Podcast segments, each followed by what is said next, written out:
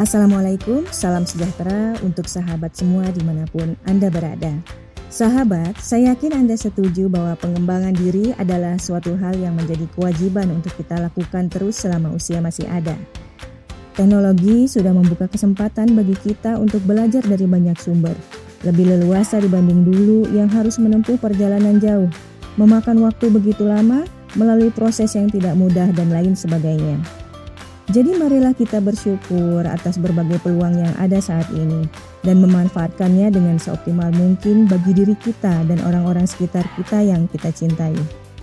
Saya akan mengangkat sebuah topik yang sudah umum tapi nggak pernah terasa basi. Karena topik ini memang selalu penting buat seorang individu yang ingin bahagia dan berhasil dalam hidupnya. Apa itu topiknya? Topiknya adalah Organize Your Life, Help You Improve the Way You Work and Balance Your Life. Di topik ini kita akan mempelajari cara untuk menjadi seseorang yang produktif, tapi juga seimbang dalam hidup sehingga lebih dekat pada kedamaian. Bersama saya Dipi, saya edukator yang telah berkecimpung di bidang edukasi selama lebih dari 10 tahun. Di beberapa menit ke depan di DPD Class, saya akan bersama Anda di kelas mengelola kehidupan yang produktif dan seimbang. Mari kita mulai sesi belajar kita.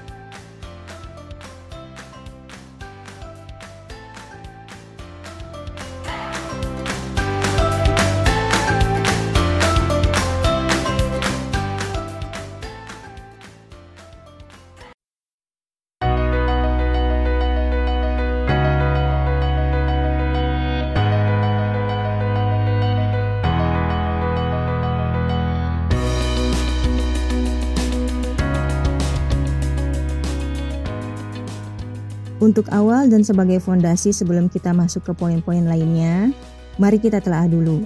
Apa saja sih yang harus kita lakukan untuk bisa mewujudkan sebuah kehidupan yang positif?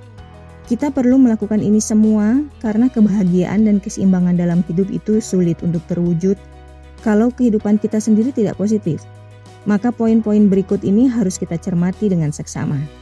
Yang pertama adalah, sudahkah kita berada di lingkungan orang-orang yang positif? Saya ingin Anda duduk dan mengeluarkan selembar kertas untuk mencatat. Mulailah merenung dan memikirkan ulang ring pertemanan Anda. Adakah di antara teman-teman dekat atau sahabat Anda yang toksik?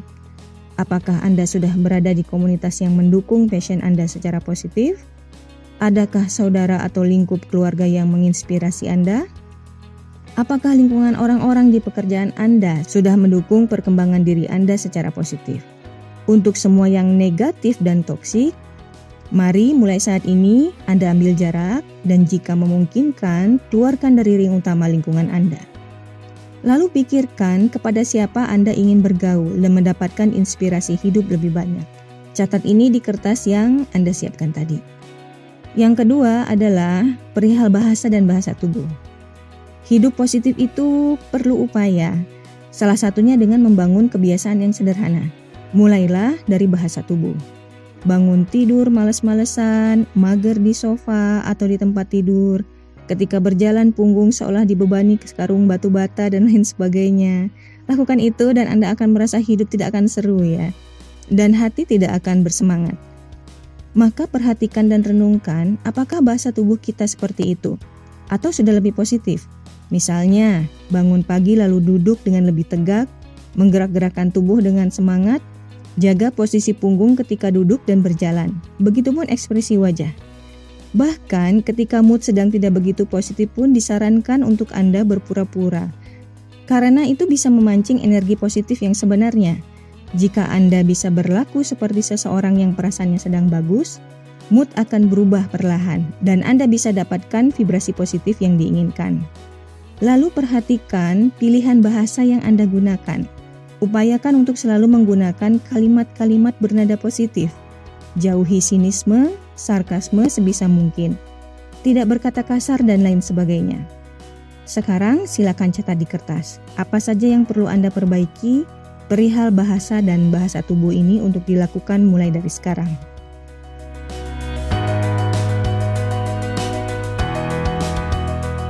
Poin ketiga adalah perhatikan istirahat dan me time. Putuskan hubungan sementara dengan orang lain terutama sosmed. Bisa juga jalan-jalan, berkebun, duduk di bawah pohon atau menatap bintang. Nikmati alam. Recharge tubuh dan jiwa Anda akan baik untuk keseimbangan kehidupan. Di poin ini, saya ingin Anda mencatat apakah selama ini Anda sudah memenuhi kebutuhan istirahat Anda. Jika belum, maka pikirkan apa yang ingin Anda lakukan saat me time atau kapan, serta bagaimana Anda ingin mendapatkan waktu istirahat yang cukup. Poin keempat adalah inspirasi hari-hari Anda. Bisa dengan membaca buku, mendengarkan seminar motivasi, atau mengobrol dengan orang-orang yang bisa menginspirasi. Hal itu semua akan membuat hidup menjadi tidak hanya lebih positif, tapi juga bermanfaat. Kembali, silahkan buat catatan refleksi kehidupan di poin ini. Poin kelima adalah jauhkan kehidupan Anda dari gosip dan drama. Karena itu semua bisa mendistraksi Anda dari fokus hidup yang sebenarnya yang sedang ingin dikembangkan oleh Anda. Gosip dan drama menguras energi, sedang energi baiknya kita gunakan untuk hal-hal yang penting dan positif, termasuk memecahkan masalah-masalah kehidupan kita yang beraneka ragam bukan buat memikirkan dan memecahkan masalah publik figur yang tidak kita kenal. Sekali lagi, hati-hati dengan orang-orang yang terkategori toksik, yang menghabiskan energi Anda untuk berdrama tidak penting, atau yang memberikan pengaruh ke perubahan perilaku dan pola pikir Anda ke arah yang negatif. Di sini, saya ingin Anda bersikap tegas demi kehidupan Anda sendiri yang berharga. Poin keenam adalah memperhatikan nutrisi tubuh. Coba cek Pola makan dan asupan apakah sudah cukup komposisi gizinya? Buah dan sayur sangat direkomendasikan. Juga minum yang cukup. Seperti hidup yang sebaiknya seimbang, makanan buat tubuh pun demikian. Untuk poin ini, Anda bisa memikirkan dan mencatat tentang pola makan yang Anda lakukan sekarang itu seperti apa. Lalu ke depannya, apa perubahan yang bisa Anda lakukan untuk bisa lebih sehat dalam asupan tubuh?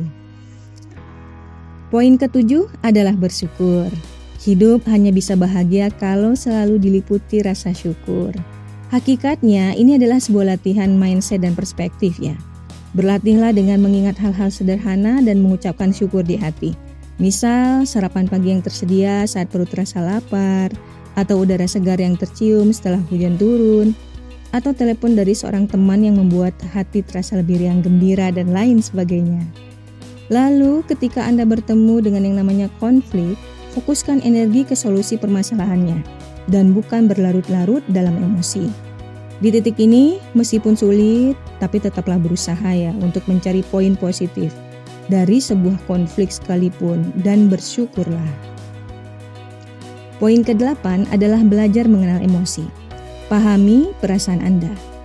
Mengapa kita harus bisa memahami emosi diri kita itu karena hanya dengan demikianlah maka kita bisa mengubah emosi negatif yang ada menjadi emosi yang lebih sehat sehingga perasaan kita akan menjadi lebih baik. Untuk detail how to transformnya nanti kita bahas di sesi lain. Poin ke-9 adalah biasakan untuk hadir penuh dalam momen yang sedang berlangsung. Here and now kalau bahasanya Zen ya. Nikmati momen saat ini, resapi dan hargai apa adanya. Dan yang terakhir, poin ke-10 adalah meditasi. Yang menurut saya bisa kita dapatkan juga momennya di rangkaian ibadah kepada Tuhan atau sesi yoga yang terarah.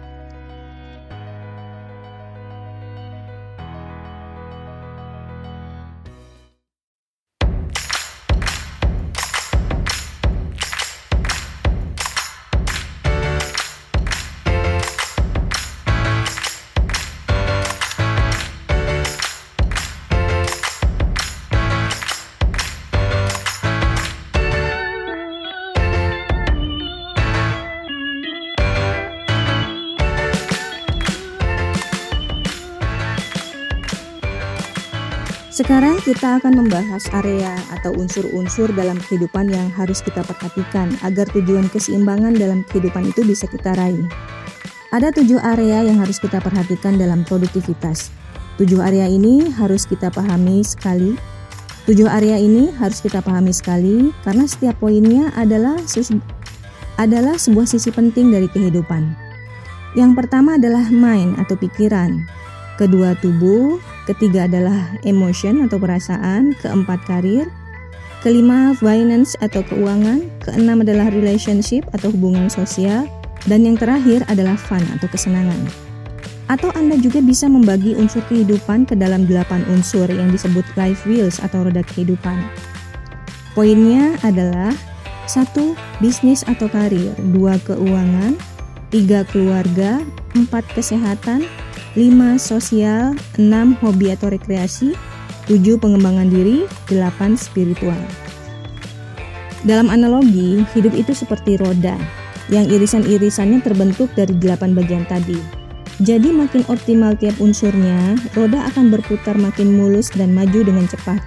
Artinya, jika itu terjadi, di titik itu kehidupan Anda akan semakin seimbang dan berjalan dengan lancar. Jika Anda memiliki model pembagian lain terhadap unsur-unsur kehidupan, silakan dipakai juga ya. Sebuah metode hakikatnya menurut saya um, sesuai dengan individu masing-masing juga dan adaptif. Jadi ini sifatnya tidak saklek. Nah, setelah tahu area dan unsur kehidupan tadi, mulailah kembali pada kertas catatan Anda lagi. Sekarang buat rincian aktivitas per poinnya. Contoh, ini di tujuh area produktivitas ya. Poin satu, pikiran. Pikirkan apa yang bisa Anda lakukan untuk bisa mengembangkan pikiran Anda sedemikian rupa, sehingga lebih positif. E, beberapa cara yang bisa dijadikan ide ini misalnya belajar, meditasi, membaca, mendengarkan musik, merenung, bekerja penuh kesadaran, dan melakukan hobi. Sekarang lanjut ke poin 2. Tubuh atau perawatan fisik. Silahkan pikirkan rinciannya. Sebagai idenya, ini bisa olahraga ya dan perawatan tubuh. Bisa masuk ke poin ini. Berikutnya perasaan. Pikirkan apa saja yang bisa membuat perasaan Anda menjadi lebih bagus atau positif. Beberapa ide dari saya misalnya menelpon sahabat, teman atau saudara, bisa juga menemui terapis, membuat gratitude journal dan masih banyak lagi. Poin berikutnya adalah karir. Nah, beberapa ide tentang karir bisa Anda gunakan misalnya membuat planning kerja, menyusun dan mengeksekusi proyek, perjalanan dinas untuk berbagai kebutuhan di bidang pekerjaan, dan masih banyak lagi termasuk bahkan mencari peluang di perusahaan lain atau di bidang lain yang Anda pikir mungkin Anda akan lebih maju dan bahagia jika bekerja di sana.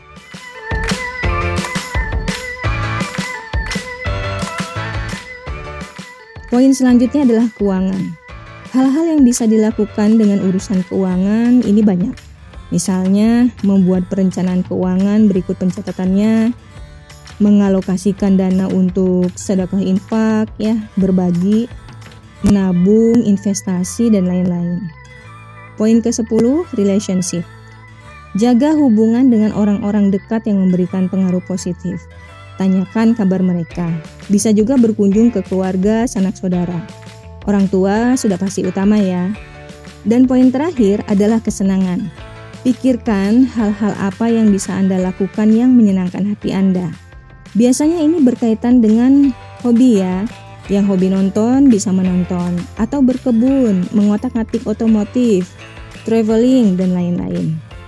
Nah, ingat untuk mencatat semua aktivitas tadi sesuai dengan poinnya di kertas yang Anda gunakan sebagai catatan. Sekarang kita lanjut ke 8 roda kehidupan. Saya sebutkan kembali ya poin-poinnya. 1. Bisnis atau karir 2. Keuangan 3 keluarga, 4 kesehatan, 5 sosial, 6 hobi atau rekreasi, 7 pengembangan diri, 8 spiritual. Sekarang, jika Anda ingin menggunakan roda kehidupan dengan 7 area produktivitas sebagai dasar panduan keseimbangan kehidupan Anda, maka tahapan yang Anda bisa lakukan adalah 1. Merinci aktivitas apa yang bisa meningkatkan unsur roda kehidupan Anda per poinnya Langkahnya sama dengan yang sebelumnya. Dua, mencari dan memahami irisan kedua model ini. Mana poin yang dirasa sama dan mana yang beda. Lalu gunakan perbedaannya untuk melengkapi catatan kehidupan Anda.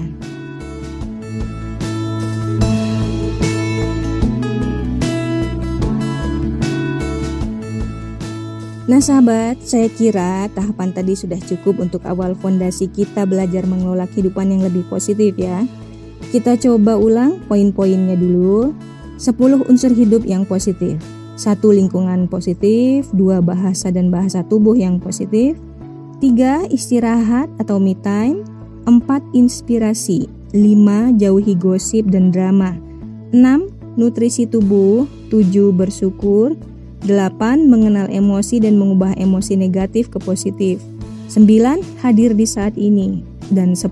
Meditasi 7. Area produktivitas Yang pertama adalah pikiran Kedua tubuh, ketiga perasaan Keempat karir, kelima keuangan Keenam relationship atau hubungan sosial Dan yang terakhir adalah kesenangan. Delapan roda kehidupan. Satu bisnis atau karir. Dua keuangan. Tiga keluarga. Empat kesehatan. Lima sosial. Enam hobi atau rekreasi. Tujuh pengembangan diri. Dan delapan spiritual Kunci sukses sendiri menurut saya terletak dari keseimbangan hidup. Meski hidup memang tidak ada yang sempurna, tapi tugas kita adalah berusaha sebaik mungkin. Pada akhirnya kehidupan mungkin tidak semulus yang kita harapkan ya. Tapi dengan berupaya, maka kita jauh dari rasa penyesalan. Hari-hari yang kita lalui dirasa sudah sepositif dan seproduktif yang bisa kita lakukan dengan kapasitas yang kita miliki. Pemikiran inilah yang akan membawa kita pada perasaan damai. Dan yakinlah, Usaha yang keras diiringi doa akan berujung pada sesuatu yang tidak pernah sia-sia. Saya kira cukup dulu untuk sesi pertama dengan topik Organize Your Life ya. Di sesi kedua kita akan membahas prime time dan perencanaan kegiatan harian yang merupakan dasar metode produktivitas yang utama.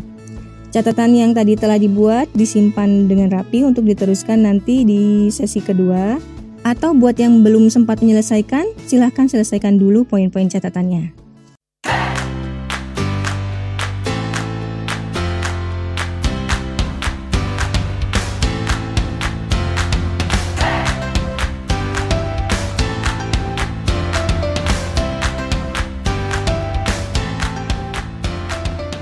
Terima kasih saya ucapkan kepada Anda yang sudah menyimak di PDF Class kali ini ya. Sampai ketemu lagi di sesi selanjutnya. Semoga apa yang saya share tadi bisa bermanfaat buat kita semua. Please share dan dukung akun podcast ini dan akun Instagram at underscore talks. Untuk diskusi dan tanya jawab, sahabat bisa DM saya ya di Instagram dpdiv underscore talks. Dan bagi yang membutuhkan bimbingan khusus seputar pengembangan diri di topik-topik tertentu, misalnya public speaking dan project based learning, saya membuka program Growth Tracker Program yang bisa Anda ikuti private dengan saya sebagai edukator dan coach di sana. Let's encourage each other to save a better future. Saya Dipi, salam bahagia untuk Anda semua. Assalamualaikum warahmatullahi wabarakatuh. Salam sejahtera.